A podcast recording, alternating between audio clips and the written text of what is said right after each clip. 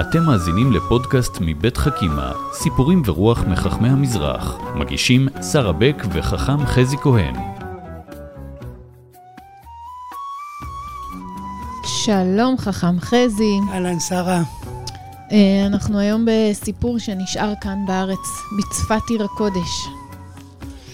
נכון, נכון, צפת מרכז הקבלה, אולי הכי משמעותי וגדול בעם היהודי, והסיפור שלנו הולך לצפת הקבלית, של הארי ואלשיך ורבי חיים ביטל. באיזה מאה אנחנו? אנחנו במאה ה-16. יפה. כן.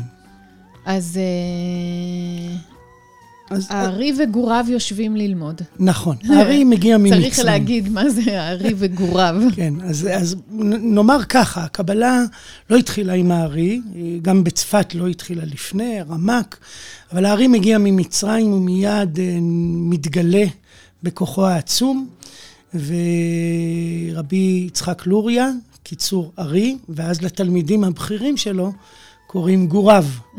והם בעצם הופכים להיות חבורה, יש שם תמונה מאוד חזקה של לימוד בחבורה, מאוד מזכיר את הזוהר, את רשב"י ו... ותלמידיו, והארי פורץ דרכים חדשות בהבנת תורת הסוד. ממש ככה, מהלכים גדולים, אבל צריך לדעת שבצפת זה מרכז תורה, זאת אומרת, יושב שם שולחן ערוך, רבי יוסף קארו, וגם כותב אה, את הספר הכי חשוב בהלכה שנכתב עד היום בעם ישראל.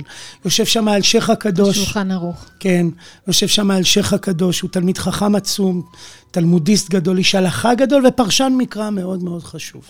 והארי, רבי יצחק לוריה, עוסק בקבלה, בעולמות אה, עליונים. זה דבר שהוא מאוד מעניין, מאוד מושך, אבל אה, מיועד לככה יחידי סגולה. כן, נהוג לקרוא לזה יודעי חן, שהמילה חן ראשי תיבות חוכמת הנסתר.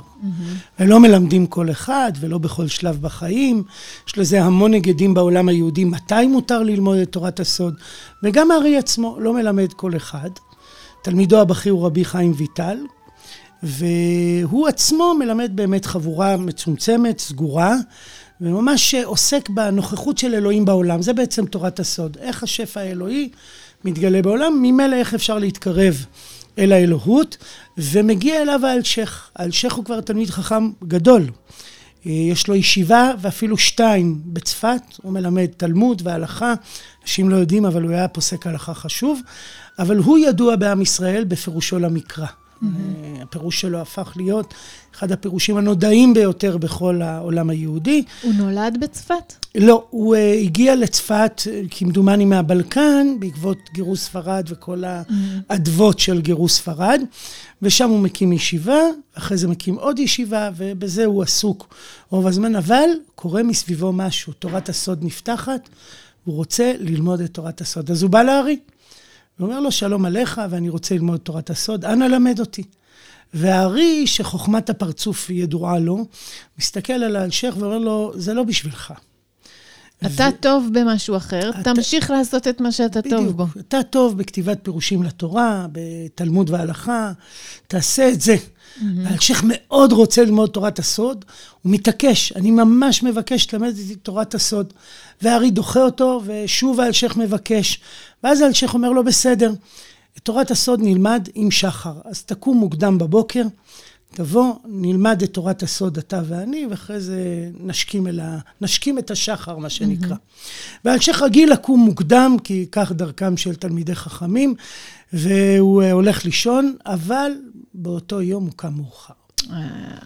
והוא אה, מתעורר בבהלה, מסתדר, מתארגן, נטילת ידיים, פנים וכולי, רץ אל הארי, והארי אומר לו כבר מאוחר. מחר, מחר עם שחר נלמד את תורת הסוד.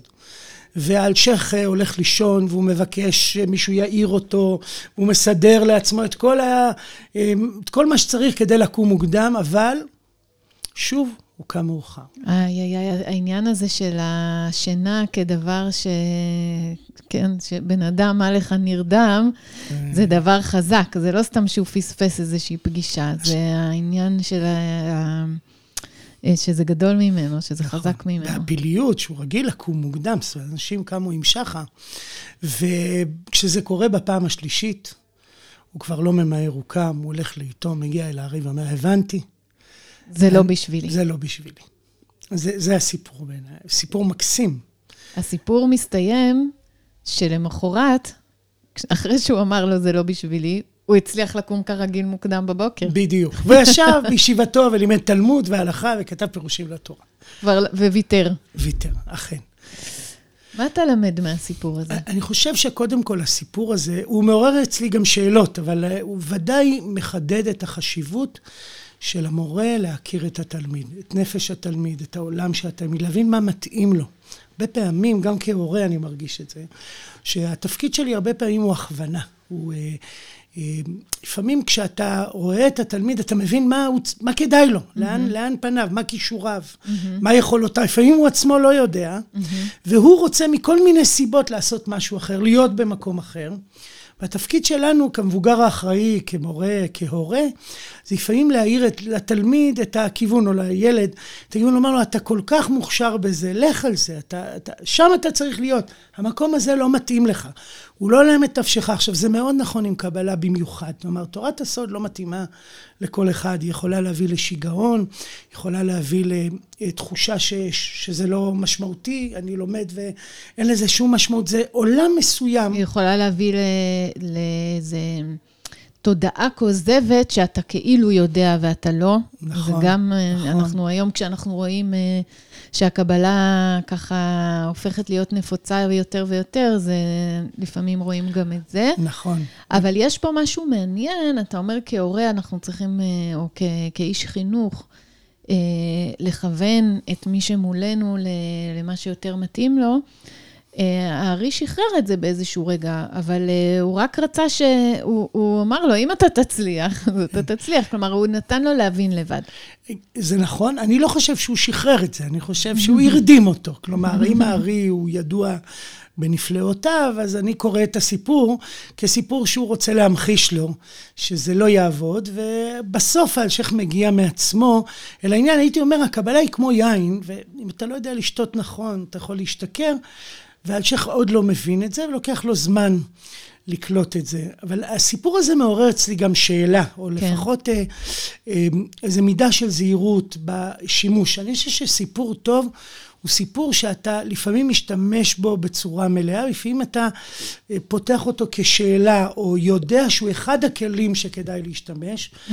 למה? איפה ש... זה קשה לך? כי, כי אני חושב שלפעמים צריך מאוד להיזהר, לא להציב למישהו אחר את מפת הכישורים שלו mm-hmm. ואת מפת היכולות שלו. כלומר, כלומר אני... אם אתה לא הארי, כן. לא לא הארי, אלא אם אתה לא הארי, אז uh, תיזהר עם מה שאתה uh, מכוון, לא להיות כל כך בטוח בעצמך. נכון. אני מכיר כל כך הרבה רגעים של הפתעה מילדים שלי, מהתלמידים שלי, ודברים שלא ציפיתי פתאום קורים. כלומר, צריך איזו מידה של זהירות.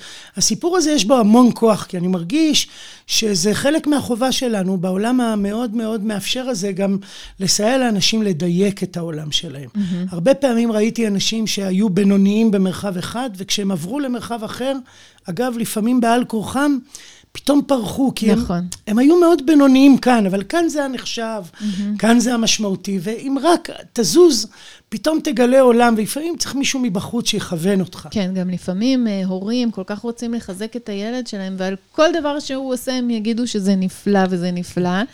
Uh, וגם אם, ו, והילד לפעמים לא מבין שבעולם הגדול הדבר הזה הוא נחמד, הוא לא נפלא. נכון. אה, אז לפעמים באמת צריך לחשוב איך לעשות, אה, איך לתת מראה באופן כזה שהילד עצמו יבין שיש לו כוח במקום אחר. לכן אני חושב שהסיפור הזה הוא נורת uh, הכוונה, אבל צריך גם בו תמיד לשקול האם אני מפעיל את הסיפור הזה כאן או משחרר אותו. כן, ורק באמת נגיד ש...